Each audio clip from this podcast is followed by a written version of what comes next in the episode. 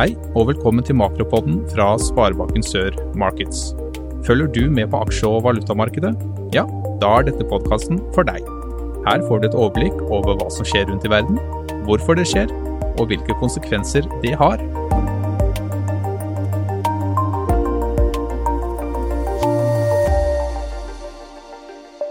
Da ønsker vi velkommen til en ny makropod. Nå er vi kommet til midten av september i 2021, og vi skal se litt på hva som skjer rundt om i verden. Nå er det litt mindre fokus på smitte- og vaksinesituasjonen, og mer fokus på utviklinga i de økonomiske komponentene.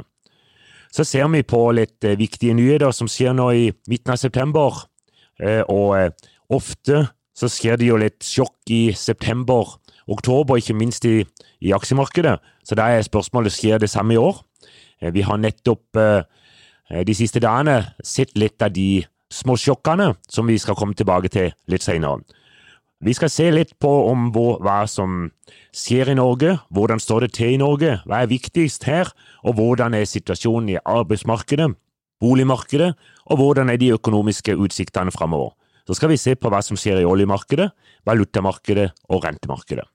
Men la oss begynne sånn som vi pleier, la oss begynne i USA.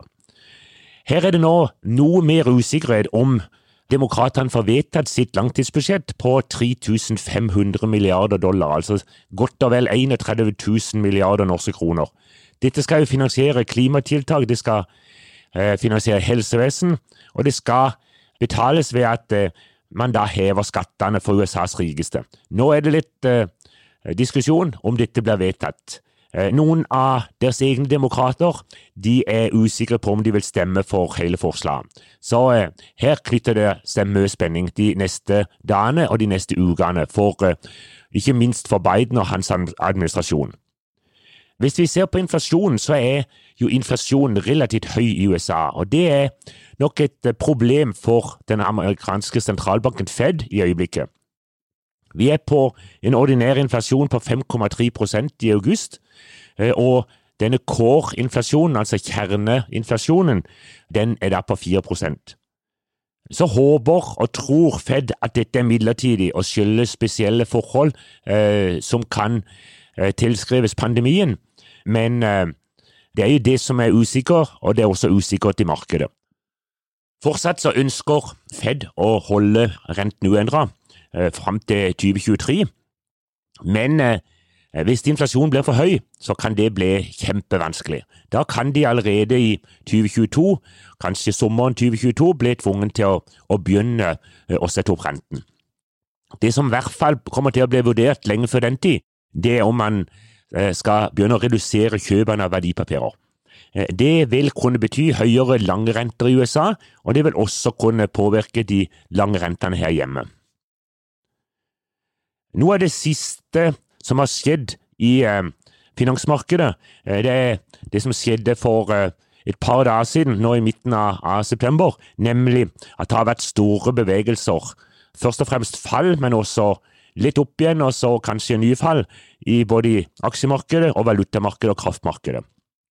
China Evergrande det er verdens største boligbygger de må trolig erklære mislighold. De har store forfall på sine lån nå i denne uka. Aksjen faller som en stein på børsen, og mange frykter at konkurs er like rundt hjørnet. De har en gjeld på formidable 2700 milliarder norske kroner, så dette skaper en veldig stor usikkerhet i markedet. Så tror vi nok at eh, kinesiske myndigheter vil ta grep, sånn at de ikke opplever Kinas svar på Lemon Brothers. Lehman Brothers var jo det som da forårsaka finanskrisen i eh, USA tilbake igjen til 2007-2008. Så ser vi også at Europa skriker etter gass, eh, og gassprisene fyker oppover. Britiske gassleverandører forhandler nå med den britiske stat om store støttepakker på flere milliarder pund, eh, slik at de kan overleve videre. Og siste, som kom i går, var at Equinor har fått lov til å øke gassproduksjonen, blant annet fra Trollfeltet. Så vi ser igjen at eh, er det noen som tjener på disse store bevegelsene, så er det på sett og vis Norge nok en gang. Men det kan jo da avhjelpe gassituasjonen noe. Eh, når det gjelder strømprisene, så ser vi formidable utslag også der, og så får vi bare håpe at, eh, at regnværet kommer, sånn at, at magasinene fylles igjen. Så, så, kan det komme til å føre til at strømprisene kommer kraftig ned igjen. Vi ser også at nordmenn, nordmenn har satt ny rekord i netthandelen for andre kvartal. 58 milliarder norske kroner ble brukt på netthandelen i andre kvartal. Hvis vi da er kommet tilbake igjen til Norge og ser på hva som skjer i Norge, så ser vi at vaksinesituasjonen stadig blir bedre. Nå har 90% over 18 år fått minimum én dose. 81,7% er fullvaksinert, og i tillegg har ca. over 80 av 16- og 17-åringene eh, blitt vaksinerte. Så ser vi, og har sett de siste 14 dagene, eh, høyere smittetall, men eh, det fører neppe til mer nedstengninger. Samfunnet åpnes mer og mer, og trinn fire, som ble utsatt eh, forut for valget, og siste trinn i, i eh, gjenåpninga, den kommer nok nå i slutten av september eh, for fullt. Så, så lenge ikke økningen i sykehusinnleggelser er så særlig stor, så ser det ut som myndighetene bare vil, vil åpne fullt opp. Og Det gjør jo også at aktiviteten i økonomien øker, og det forventer vi også skjer ytterligere i ukene og månedene framover. Ser vi på det økonomiske aspektet, så ser vi at det er en veldig sterk vekst i BNP. Vi nådde trolig før pandeminivåene eh, allerede i juni-juli i 2021, og har bare gått videre nå eh, gjennom august og deler av september. Arbeidsledigheten faller, ligger på 2,7-2,8% det vil si at det er ca. 135 000 ledige eller på tiltak. Før pandemien så hadde vi en arbeidsledighet helt ned på 2,2% Men vi tror nok at eh, vi vil se at arbeidsledigheten faller ned mot det nivået i ukene og månedene framover. Eh, og Det som også er viktig å, å bemerke her, det er at eh, antall nye ledige stillinger det er på et rekordhøyt nivå. Både innen bygg og anlegg, innen jordbruk, innen turisme og innen helsepersonell, så, så er det masse ledige jobber. Og Det paradoksale og det vanskelige her for myndighetene er det at eh, de 135 000 ledige ikke nødvendigvis har den kompetansen for å fylle de 40 000-50 000 ledige jobbene som er. Eh, sånn at det vil være en eh, utfordring, og det kan også føre til presstendenser, som vi skal komme tilbake til litt senere i, i makropoden så hadde vi det største handelsoverskuddet i Norge siden 2014. Det fikk vi i juli eh, 21, med 42,2 milliarder. Og eh, eksportinntektene har aldri vært større. Eh, vi satte rekord for eksportinntekter i juli med 107,5 milliard, og så, om ikke det var nok, så eh, slo vi den rekorden igjen nå i august med 112 milliarder. Over halvparten av det, det er fra råolje og gass. Så ser vi at eh, det private konsum stiger stadig. Varekonsumet har jo vært på et høyt nivå også gjennom pandemien, men eh, gjennom sommeren så ser vi også at tjenestekonsumet har kommet godt opp. Husholdningenes sparerate eh, har jo vært veldig høy under hele koronapandemien, eh, og det har gjort at eh, bankene nesten har flommet over av, av eh, innskudd, for både husholdninger og bedrifter har spart mye. Juni 21 var det første måneden på lang tid med fall i spareraten. Og Det ser også ut som at bedriftene, siden de har så god likviditet, også er klar for nye investeringer.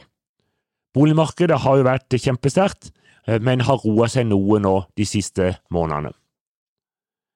Vi ser at det er høyere kapasitetsutnyttelse, vi ser at det er økte råvarepriser som kommer, og dette kan jo også føre til økte priser her hjemme. Det som kanskje også vil kunne være med å føre til økte priser, er knapphet på kvalifisert personell. Og Det kan også føre til lønnspress og økt lønnsvekst på høyere nivå enn det Norges Bank har eh, i sine anslag. Regionalt nettverk, som er en spørreundersøkelse hos masse bedrifter rundt om i hele Norge, de kom ja, nå i midten av september med eh, sin rapport for september, og eh, de melder økende presstendenser. Det er knapphet på personell, det er knapphet på råvarer, det er økt lønnspress og det er økte investeringer. Så det isolert sett kan da tvinge Norges Bank til å øke renten mer enn de har planlagt. Husholdningens gjeldsbelastning er jo fortsatt høy, og det er jo noe som i seg selv kan være et tak for hvor høyt Norges Bank kan sette opp renten. Og det kan begrense eh, oppgangen. Vi ser at 15-16 av disponibel inntekt medgår nå til å betjene gjelda. Eh, og den andelen vil jo da øke ganske kraftig etter hvert som eh, eh, Norges Bank vil, vil heve renten. Sånn at vi vil nok se at når vi kommer utover i neste år, så vil det være over 20% av disponibel inntekt som vil medgå til å betjene gjelda. Så eh, utviklinga i lønnsveksten den vil eh, nok også være med på å, å, være en veldig viktig indikator for Norges Bank. Hvis vi ser litt på oljemarkedet, så ser vi at vi har i øyeblikket en oljepris på ca. 74 dollar. Det er jo først og fremst gassprisene som har gått veldig i været. Men det kan nok også føre til at etter hvert så er det et press også oppover på oljesida. Eh, og fortsatt så holdes prisen oppe av sterke forhåpninger om eh, økt pengetrykking i USA og forventninger om økt og høyere aktivitet i verdensøkonomien i månedene framover. Det er jo veldig godt nytt for eh, Norges handelsbalanse og gir oss jo ekstra store inntekter, som vi var inne på, fra olje og gass. Hvis vi ser på valutamarkedet og aksjemarkedet, så ser vi at det har vært en del turbulens, ikke minst i aksjemarkedet, de siste dagene.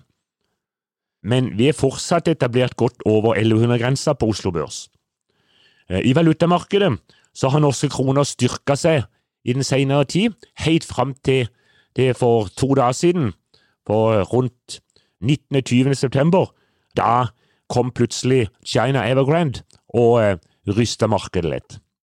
Og Dermed så fikk vi plutselig en mye svakere krone igjen, en 15-20 øre den andre veien igjen. Så eh, mye av grunnen til at vi, vi har styrka oss jevnt og trutt, tror nok jeg har sammenheng med at eh, nå på eh, bare om noen få dager så skal Norges Bank ha sitt eh, septembermøte, og da forventer vi at Norges Bank vil sette opp renten med 0,25. Men eh, vi ser at de store bevegelsene i valutamarkedet det sier oss én ting, at valutasikring det er viktig. Så snakk gjerne med oss om det.